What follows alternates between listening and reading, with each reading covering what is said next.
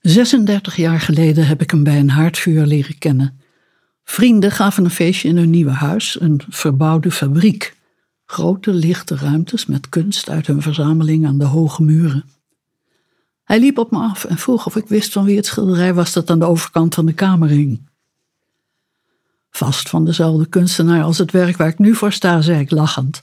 Het leek me dat hij over zijn openingszin had nagedacht. Maar laten we gaan kijken.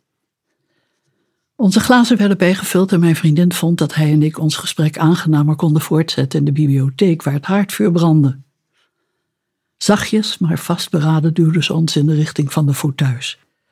Ze had me wel eens verteld over de vader van het vriendinnetje van haar dochter.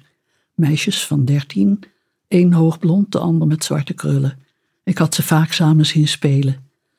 Ze hadden haar ingefluisterd dat ze hem en mij moesten uitnodigen omdat ze wisten dat wij allebei vrij waren en elkaar vast leuk zouden vinden.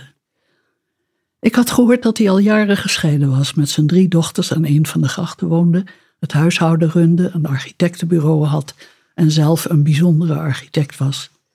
Iemand had me eens gewezen op een grachtenhuis met appartementen in het centrum van Amsterdam.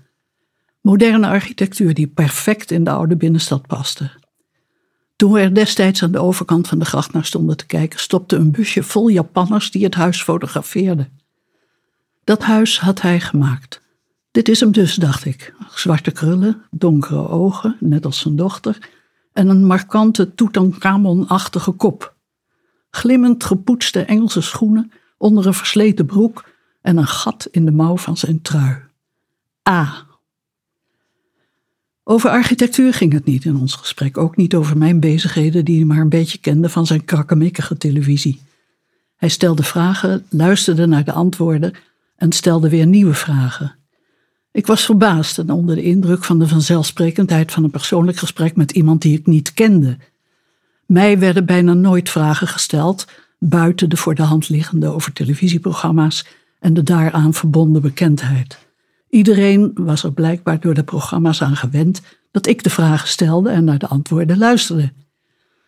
Ik had mij ongemerkt in die rol geschikt, ook buiten de televisie.